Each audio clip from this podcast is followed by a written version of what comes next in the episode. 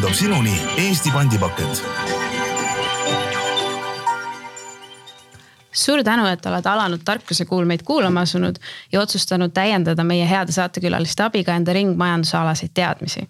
mina olen Geeniuse toimetaja Lilian Laanepere ja minuga koos küsib küsimusi Eesti pandipakendi kommunikatsioonijuht Kertu-Liina Urke tere ka minu poolt ja põnevat kuulamist aitab meil täna teieni tuua Teeme ära tegevjuht ja koolitaja Kadi Kenk. tervitused ka sulle, Kadi. Tere teile mõlemale ja järgmise ligi kolmveerand tunni jooksul loodame siis aru saada, kuidas saab üks ettevõte vastutustundlikuks, sealhulgas ringmajandavaks. ja mis roll on selles kõiges meil tarbijatel ja kogukonna liikmetel ja esimese asjana küsingi siis, et kas ja kuidas on omavahel seotud ringmajandus ja vastutustundlik ettevõtlus?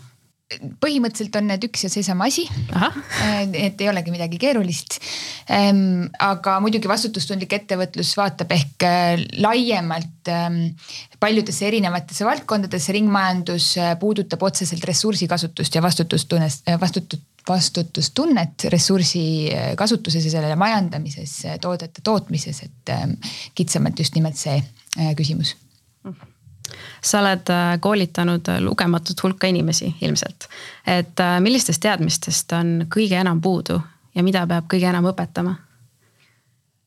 ees, kõige toredam on muidugi see, et kui me räägime ettevõtete koolitamisest ja ringmajanduse küsimusest, siis tihti võib-olla üllatab positiivselt see, et äh, ei teata, mis on ringmajandus isegi kui seda tehta, tehakse. et, et pigem on tegemist sellise uue raamistikuga terminoloogia mõttes, aga mitte ilmtingimata praktikate mõttes. et suurem osa ettevõtteid, eriti väiksed ettevõtted on, nende jaoks on ressursi efektiivsus ja tark asjadega toimetulemine nagu loomulik ärimudeli osa. ja seda ringmajandus ongi, et efektiivne ressursikasutus ja teadlik toote, kvaliteetse toote tootmine. Selles mõnele ettevõtte jaoks kõige huvitavam võib-olla avastus, et oot, aga see on ju loogiline või talupõhimõistus ütleb, et nii peabki. et siis äh, tegelikult on rohkem vaja rääkida, miks sel, see teadmine mis on ringmajandus, peab süsteemselt lihtsalt jõudma strateegilisele juhtimistasandile, et ennast tunda selles kindlamalt ja sellest ka rääkida kõva häälega, et, äh, et see, mis me seni oleme teinud, ongi õige asi ja me peamegi niimoodi jätkama. väga hea, äh, keskkonnateemadel on meedias tavaliselt kõlamas sellised murenoodid, et me oleme juba natuke hiljaks jäänud maailma päästmisega ja seis pole üldse hea, aga kas sul on vastukaaluks jagada mõnda positiivset infokildu või, või uudist, mis võiks mõjuda innustavalt? See on väga hea, kui see paneb, küsimused panevad ainult saatekülalist mõtlema ja mõtlema, võtmaks seda mõttepausi äh, ja tahan, tahan pead sellepärast, et see on natuke sihukene ootamatu küsimus, et tahaks nüüd selle ühe ideaalse, fantastilise, kõige parema näite tuua. aga võib-olla tuleks tagasi selle esimese väite juurde, et me oleme juba liiga hiljaks jäänud, et no noh sellega ei äh, motiveeri kedagi midagi ja. tegema ja nüüd ongi juba liiga hilja, see on tegelikult selline äh, üks väga inimlik nähtus, et äh, kui inimesed saavad midagi teada, et nad peavad midagi tegema ja neile ei meeldi see tegevus, siis nad ei ole nõus ka sellega, et see, mis sa väitsid, on nagu üldse õige või et see üldse või selle tegemine on mõttekas, et a la kliimamuutused või see igasugused keskkonnakatastroofid, et kui nende vältimine tähendab, et mina pean midagi muutma ja mulle ei meeldi muutuda siis ma väidan, et see, mis sa ütlesid, ei tegelikult ei toimugi, kliimamuutusi pole olemas või et äh, tegelikult minu tegevusest ei sõltu mitte midagi. et äh, liiga hiljaks jäänud, no ei ole, asjad on nagu nad on, noh. Nad oleksid võinud olla paremad eile, aga nad on kindlasti paremad kui homme, kui sa midagi peale hakkad. et, äh, et võib-olla kõige toredam on see, et et asjad ju toimuvad, et maailm muutub paremaks, me näeme iga aastaga nagu tõsiseid muudatusi selles, millised näevad välja ettevõtete majandusaasta aruanded ähm,, mida küsivad aktsionärid äh, oma juhtkondadelt, äh, mida nad nõuavad. Ja võib-olla üks äh, suurimaid äh, põnevaid globaalseid äh, algatusi, mis on toimumas ja mis annab meile lootust, et üks suur probleem maailmas nagu plastireostus on ähm, äh, võib-olla midagi, millest me saame juba varsti üle, on see, et, et me oleme jõudmas globaalsele kokkuleppele plastileppe äh, kokku, plastilepp lõppes kokkuleppimisele, et riigid leiavad selliseid siduvaid meetmeid, kuidas lõpetada sellise plasti tootmine, mis meil tavaliselt loodusesse jõuab ja seda reostab aga lähme siit edasi sinu isikliku nagu motivatsiooniga, et äh, miks sa teed täna seda, mida sa teed?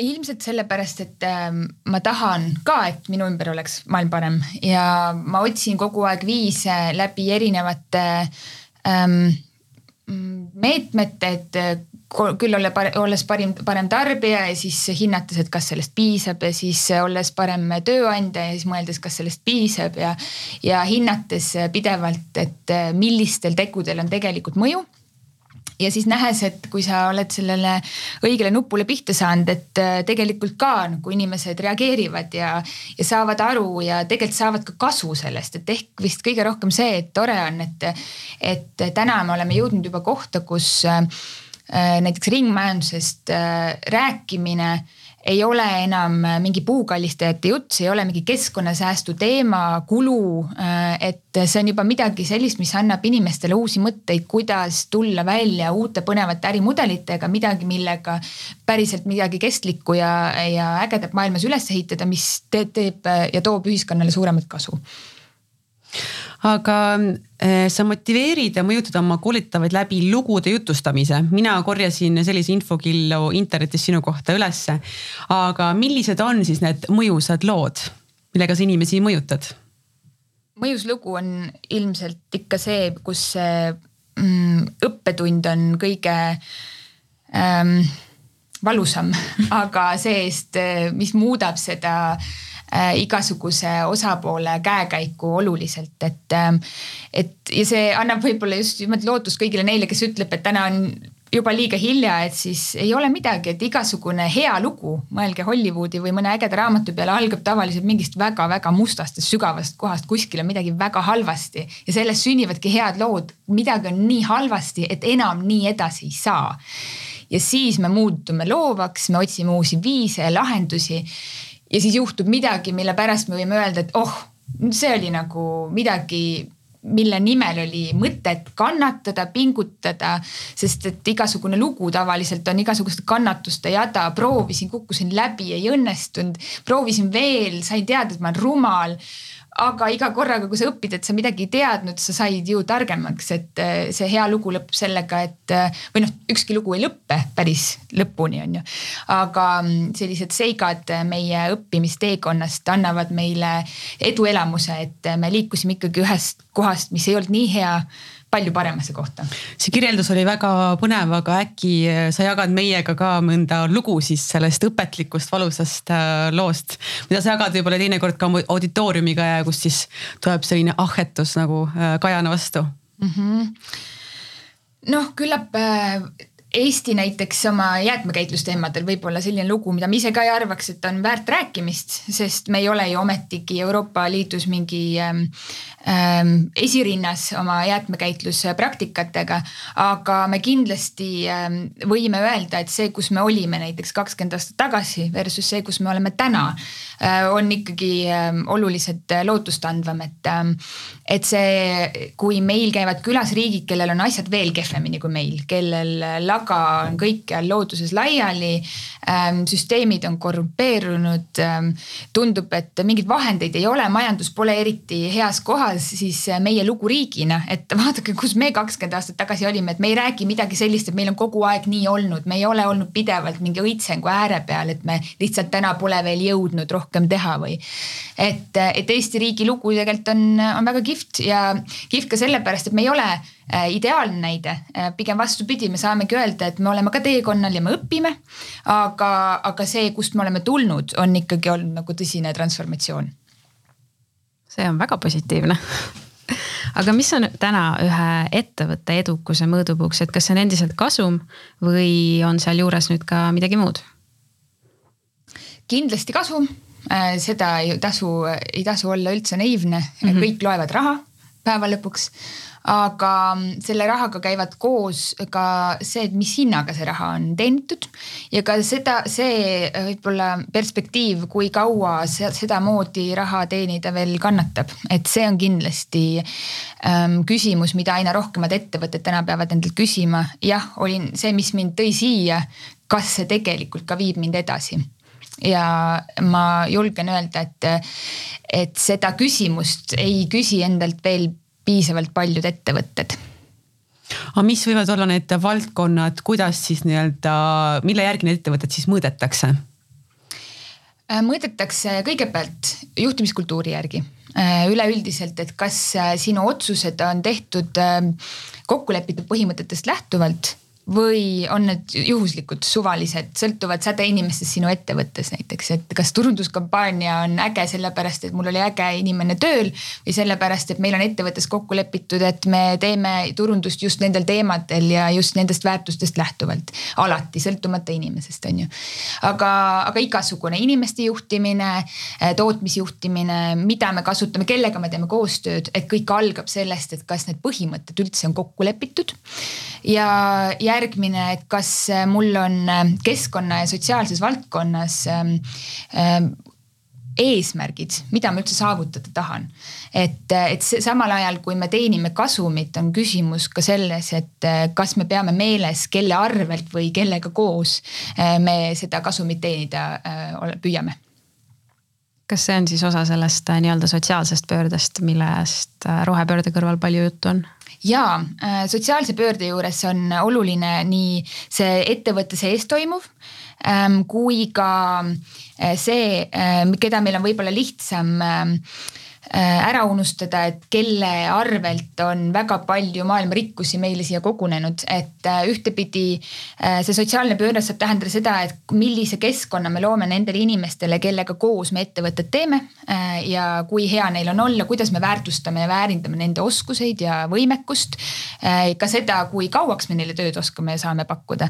et, et see on selline lähem sotsiaalne efekt sellisele ringmajandavale lähenemisele, aga Äh, kindlasti ka seda, et ähm, see ebavõrdsus maailma kõige rikkamate ja kõige vaesemate vahel äh, hakkab äh, kahanema, sest et kui me teeme õiglasemat äri igas mõttes, siis see ka raha, igasugused ressursid, sealhulgas raha jaguneb inimeste vahel õiglasemalt.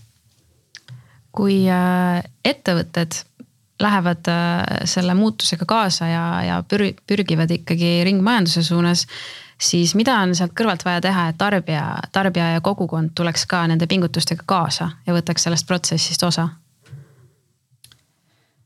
um,?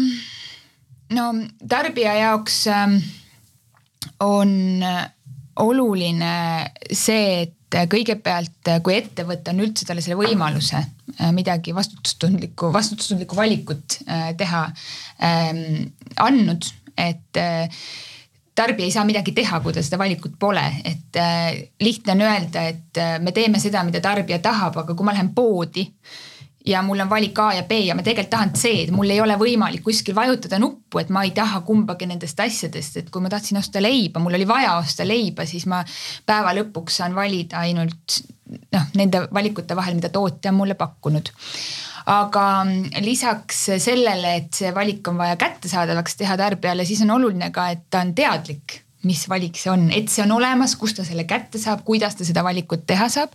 et ähm, see peaks talle olema Äh, mugav, äh, ta peaks äh, olema suuteline seda valikut tegema ja see noh, klišee muidugi, see kõik peab olema tarbijale taskukohane. aga, ja see, see on kõige eeldus nii või teisiti, et meil, me ei saa jääda ootama sinna sellele, et, et tarbija maksab kõik kinni, et et kui tarbija peab kinni maksma vastutustundliku valiku, siis järelikult pole see vastutustundlik valik veel mainstream, ta ei ole veel sellest nišist välja saanud, et vastutustundlik valik peaks olema meile kättesaadav, ta peaks olema meile taskukohane. kui see juba on juhtunud, siis on see, et äh, tootjal on siiski kohustus teha kindlaks, et, et see äh, see tarbija on ühesõnaga, tal on see valik olemas, ta on sellest teadlik ja ta peaks olema motiveeritud seda valima. Ja siin on iga ettevõtte enda küsimus, et mis siis motiveerib seda tarbijat just nimelt seda valikut tegema, et mõnikord on see ähm, värvi küsimus, teinekord on see asukoha küsimus, on ju, et, et see täiesti sõltub, millisest tootest või teenusest me tegelikult räägime aga kuidas üldse tarbija saab ühe toote või teenuse puhul olla kindel, et see ettevõte, kes talle seda pakub toote või teenusena, on üleüldse jätkusuutlik või vastutustundlik? see on nipiga küsimus. Ähm, ma ei usu, et sellele saab täna isegi väga hästi vastata. ilma, et me peaks ootama, et äh, keskmine tarbija käib äh, nagu Vikipeedia nina all ringi, on ju. et ähm, tihtilugu ei tea ettevõtja seda isegi, kas ta on jätkusuutlik või mitte ehm,. isegi kui ta seda on, siis ta lihtsalt ei ole tegelenud oma mõjude mõõtmisega, mistõttu tal on seda raske väita, seega ei saa seda ka tea, tarbija teada. muidugi on mõned rusikareeglid, mille puhul me võime olla üsna kindlad, et muidugi kui sa valid maheda ja kohaliku, siis noh, ilmselt on tegemist nagu väga hea valikuga. aga noh, see on lihtne, siin me räägime võib-olla toidust, aga, aga neid valikuid meie ümber, tarbimisvalikuid on nii palju. et ähm, ma julgen väita, et äh, kõik algab läbipaistvusest. Ähm, kui sa saad aru, äh, kust ettevõte äh, oma toorainet saab, millist tööjõudu ta selleks kasutab, selleks ettevõte peaks sellest rääkima, see peaks olema avalikustatud informatsioon. ja samamoodi, kui paistab, et ettevõte püüab vaeva näha, et see toode, näiteks kui see on mingi pikaajaline toode, pärast ka kuhugi jõuab, siis on see ka juba väga hea märk. et et kas tema jutt ja teod käivad ka käsikäes, et seda on ka väga palju, et äh, mida suurem ettevõte, seda suurem jutt tavaliselt ja seda äh, võimekamad sõnadeseadjad ettevõtetes töötavad, et, et kui to, ta, tarbija tahab päriselt veenduda, kas tegemist oli vastutustundliku ähm, valikuga, et siis noh, tasub endalt neid küsimusi küsida aga ega ta lõpuni ei saagi seda teada, et, et see on see koht, kus süsteemseid muutuseid juhitakse ikkagi mujal kui, kui läbi tarbijate äh, meil on äh, olemas ju ka hulk kriteeriumeid ja ettekirjutusi ettevõtetele, et kuidas nad peavad toimima just keskkonna seisukohast, et kui üks ettevõte neid täidab, et kas ta siis võib tunda või, või teada, et ta on äh, ringmajandav, vastutustundlik, jätkusuutlik või peaks sealt minema veel kaugemale? pigem mitte keskkonnanõuded on äh, ajalooliselt seatud sellest lähtuvalt, et mitte teha äh, väga suurt kahju või põhjustada nagu pöördumatut reostust näiteks. et tänased regulatsioonid ähm, need ringmajandust toetavad regulatsioonid on alles sündimises. Äh, kindlasti ei saa täna öelda, et kui ma järgin seadust, siis ma olen kõike teinud hästi, et see on absoluutne miinimum, mida peaksid tegema niikuinii kõik. Äh, ei saa ju väita, et me oleme tänasesse ressursipuudusesse ja kliimamuutuste olukorda jõudnud sellepärast, et kõik on seaduseid kohutavalt äh, nagu murdnud on ju, või, või rikkunud. et, ähm, et see, see täna, täna nõuab ikkagi teadlikumat ettevõtte juhtimist ja rohkema tegemist, kui seadus nõuab ja küll siis seadus ka järele jõuab sinna aga vastutustundlikku ettevõtlust äh, seotakse täna juba aina rohkem ka kestliku arengu eesmärkidega.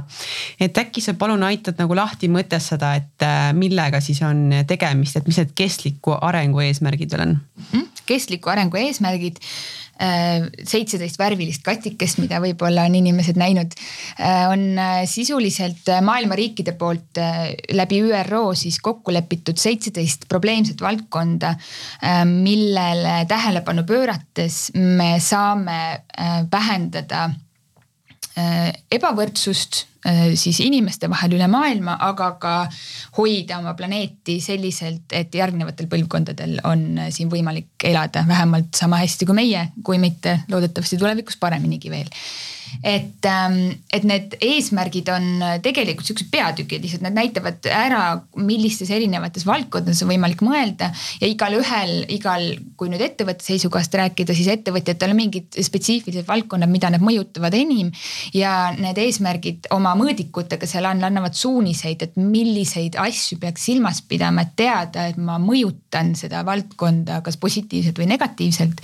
Äh, või vähemalt proovin vähendada oma negatiivset mõju selles valdkonnas mõistes, miks see valdkond problemaatiline on, kas see on sooline ebavõrdsus või see on hariduse kättesaadavus, aga see võib ka tähendada infrastruktuuri arendusi või, või elu merel, merekeskkonnas või maal, et, et sõltuvalt sellest, millises valdkonnas, millises sektoris sa töötad, mis mahus, on igal ettevõttel oma selline top kolm kindlasti, mida nad kõige rohkem mõjutavad kas see seitseteist nagu teemavaldkonna tähendab ka seda, et need on kuidagi nagu järjestatud tähtsuse järjekorras, et ma vaatasin, et.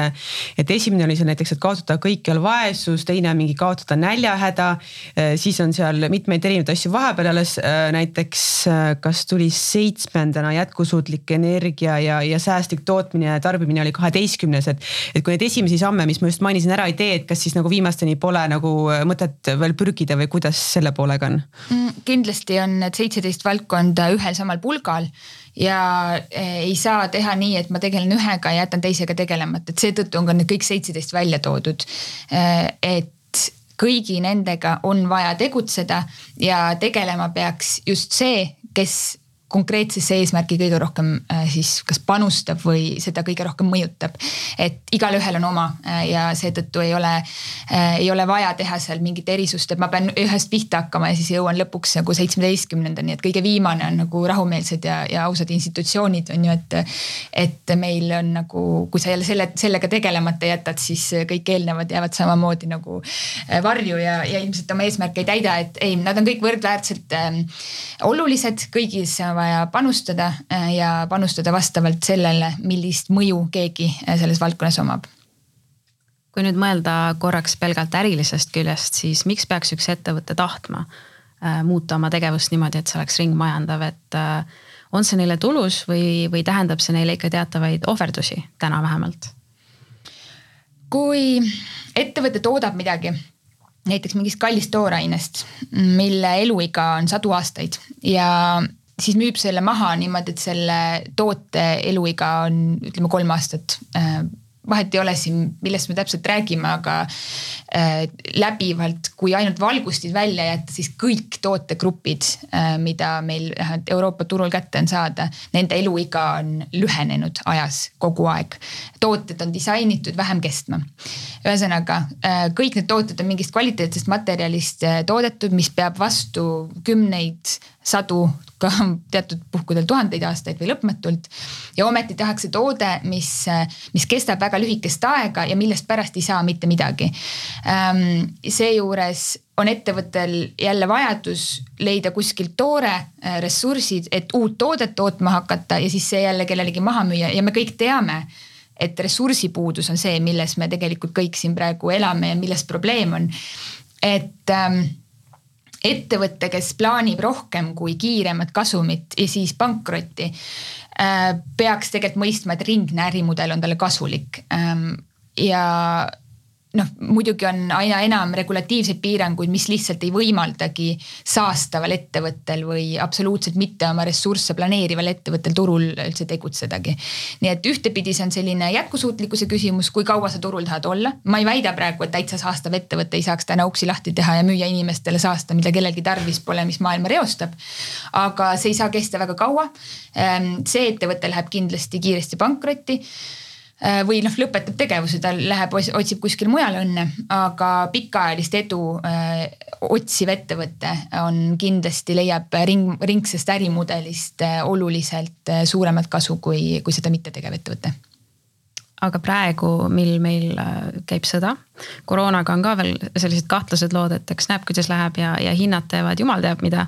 et kas see ei ole mitte selline väga-väga ohtlik aeg ettevõtetele suurte muudatuste ettevõtmiseks?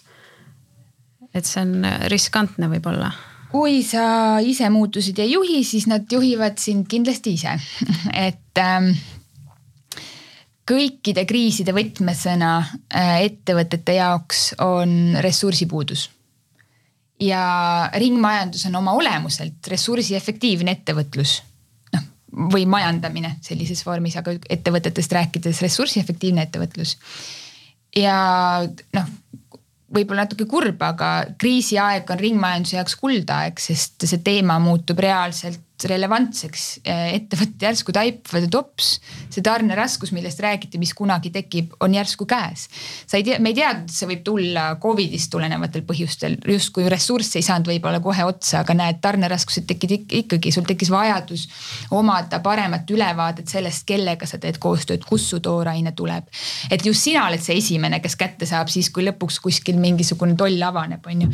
et millised on su partnerid järgmise asjana sõda äh, mingite ressursside mitte kättesaamine absoluutselt on ju, et ähm, äh, Need, kes muutuvad omaenese algatusel, ilma et nad jääks kriisi ootama, jõuavad kindlasti mitu sammu ette. Äh, nendest, kes siis peavad kriisiolukorras oma ärimudeleid ümber hakkama mõtlema ja siis ei ole välistatud, et see on natukene liiga hilja. aga kahtlemata on kriis see koht, kus ähm, võib-olla mõistetakse paremini, et rohepööre ei ole seotud üldse mingi keskkonna kaitsmisega, see on puhtalt efektiivne ressursikasutuse küsimus aga kas üleüldse nagu kõikidel ettevõtetel on üldse võimalik saada ringmajandavaks või on ka mingisuguseid äh, sektoreid või valdkondi, kus võib-olla sellest olemusest äh, tulenevalt juba see tegelikult ei olegi võimalik um,? Iga ettevõte saab muutuda kindlasti ähm,. iseasi on see, kas neil on valmisolek selleks ähm,. mida suurem ja saastavam näiteks mingi ettevõte on äh,, seda suurem peaks olema muutus nende jaoks aga teisipidi on neil ka seda suurem võim turgu ja tarbijat mõjutada ähm, ja ka rohkem vahendeid, et äh, innovatsiooni oma ärimudelisse tuua. et äh, igal asjal omad plussid-miinused, kohe turule tulla ringmajandava mudeliga on küll väga kestlik, aga sa pistad rinde selle võib-olla vana ja saastava lineaarse majandusmudeliga ähm,. aga olles ise jällegi ettevõte, kes hakkab kaotama sellest oma vanast raiskavast äh, mudelist, on sul jällegi varasemast perioodist kokku korjatud äh, varandusi, mis annavad sulle seda hingamisaega, kuni sinu uus ärimudel äh, nagu siis äh, tulusaks muutub. aga mis võib-olla on sellised Äh, lihtsad äh, kiired nii-öelda viisid, äh, kuidas oma ettevõttel võib-olla ringmajandusmudelis mingisuguseid lekkeid vähendada? kõige lihtsam on alustada küsimusest, et kus ma raha kaotan, kus ma rahast ilma jään kus tekib mingi väärtuskadu, kas äh, ma maksan millegi eest väga palju, äh, mingit materjali läheb väga palju raisku. Äh, midagi, mida ma olen valmis tootnud peale müügihetke kaotab järsult oma väärtust äh, või siis, et keegi teine teenib raha sellega, mis mina valmis tegin. et, äh, et sellised äh, võtmeküsimused lihtsalt sellest, kus raha on ja kes, kas kuhu ta kaob või kes selle nii-öelda minu toote arvelt endale teenib. et siis hakkab ettevõte nägema neid kohti, kus ta saab investeerida nendesse muudatustesse kus tal on ka võimalus äh, siiski kasumit teenida. et ringne ärimudel tähendab ikkagi seda, et sa oled teinud ressursiteadliku, see tähendab sealhulgas keskkonnahoidliku ja energiasäästliku valiku. samal ajal majanduslikku kasu teenides. et äh, muidu on tegemist ju lihtsalt heategevusega, et me ikkagi räägime ringmajandusest, majandus tähendab äh, väärtuse loomist ja seda me mõõdame rahas aga kas tulevikus on, ongi äkki niimoodi, et ainus viis äh, turul läbi lüüa on olla ringmajandav ja jätkusuutlik ettevõte, et teised lihtsalt jäävad turult kõrvale, ei suuda enam konkureerida ja nii lihtsalt läheb, et see on sihukene praegu sa küll ütlesid, et need lineaarselt toimetavad ettevõtted veel suudavad seda konkurentsi pakkuda, eks ole, aga, aga mis see tulevik võiks olla? jah, ma ei, ma ei saa muud öelda, kui et jah, kindlasti ainult küsimus, kas see on viie aasta pärast või viieteist aasta pärast. et on mingid teatud äh, ütleme, et saja aasta pärast ei ole see enam küsimuski, sest me ju teame, et terve hulk meie majanduse aluseks olevaid praegu materjali lihtsalt saavad otsa, et me peame tagama, et me hoiame ringluses neid asju, mis me endale juba valmis oleme teinud, äh, maast välja kaevandanud.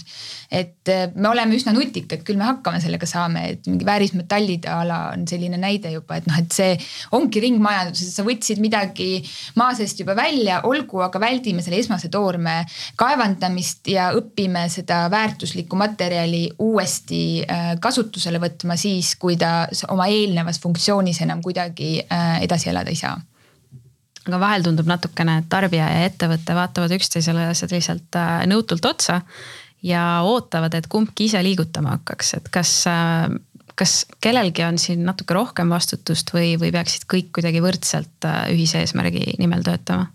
see on võib-olla selline arutelu koht, et mu küsimus teile endale vastu, et mis kumb teie arvates oma otsustega suuremat mõju loob, kas tarbija või ettevõtja? noh no öeldakse alati, et see tarbija rahakott paneb nagu asjad paika, eks ole, aga kuna me rääkisime enne sellest, et kui sul on nagu A ja B variant ja sa tahad C-d ja sul pole seda, et mis siis saab, on ju. et siis nii ja naa Äh, ei üldse mitte nii ja noh, sellepärast okay. et äh, äh, oluline võib-olla, et see tarbija ei ole mingi suure tähega keegi, see on kõik meie, me oleme üksikisikud ja üksikisikuna on meil äh, võim oma rollist lähtuvalt. tarbijana sina ja sinu viis eurot, vahet ei ole ka viissada eurot äh,, mõjutavad tegelikult ju võrdlemisi vähe. kui me räägime kõikijatest tarbijatest koos, siis on küsimus, kas te tõesti nagu suudate ette kujutada, et kõik tarbijad ühel ajal suudavad ühe otsuse teha koos, et kui jah, kui see nii käiks, kui tarbijad oleksid organiseeritud organiseeritud mingisugune keha, on ju.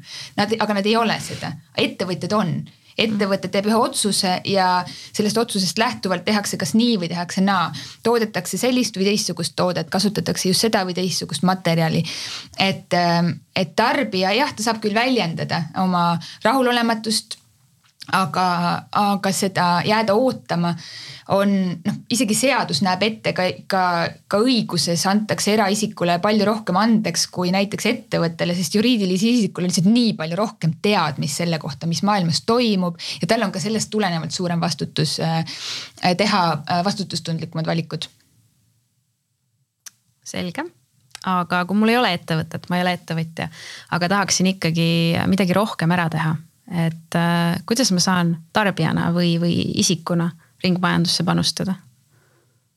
Äh, kõige aluseks on ilmselt äh, see nagu kriitiline mõte enda jaoks, et kas see, mida ma praegu plaanin omandada, on mulle päriselt vajalik noh, loobu, lihtsalt loobu sellest, mida sul päriselt tarvis pole. see ei tähenda, et ära üldse tarbi ja nüüd on, et kui miski, mida sa tahad äh, saada, kasutada ähm, kas see on, kui see on sulle tõesti vajalik, siis äh, ole, tee seda teadlikult.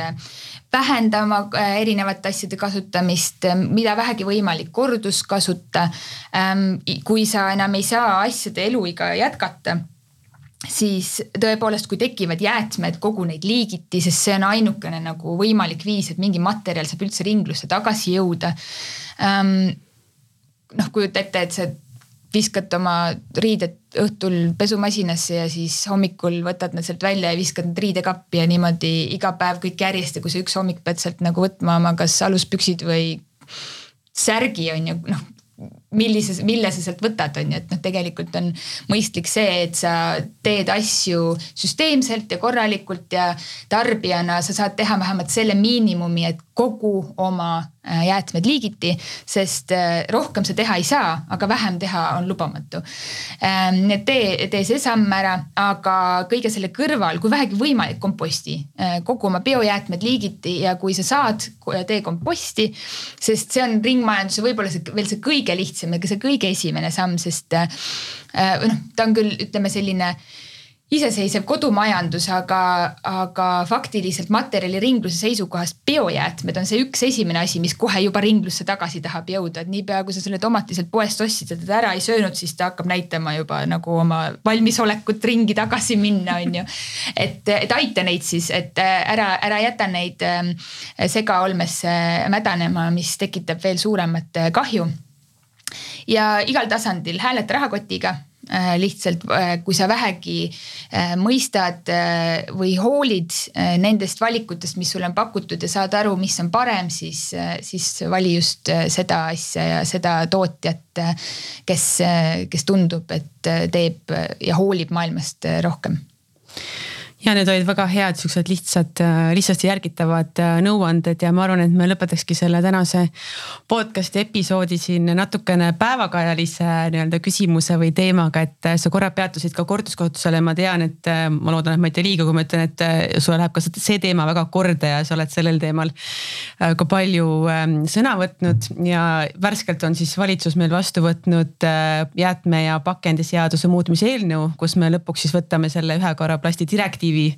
direktiivis nii-öelda seisvad punktid üle ja, ja see peaks justkui rakenduma aastal kaks tuhat kakskümmend kolm. aga juba kahe tuhande, kahe tuhande neljandast aastast meil on siis korduskasutus äh, äh, väga tolereeritud avalikel üritustel, et äh, kas sa arvad, et me peaksime siit veel kaugemale minema, et kas see on piisav?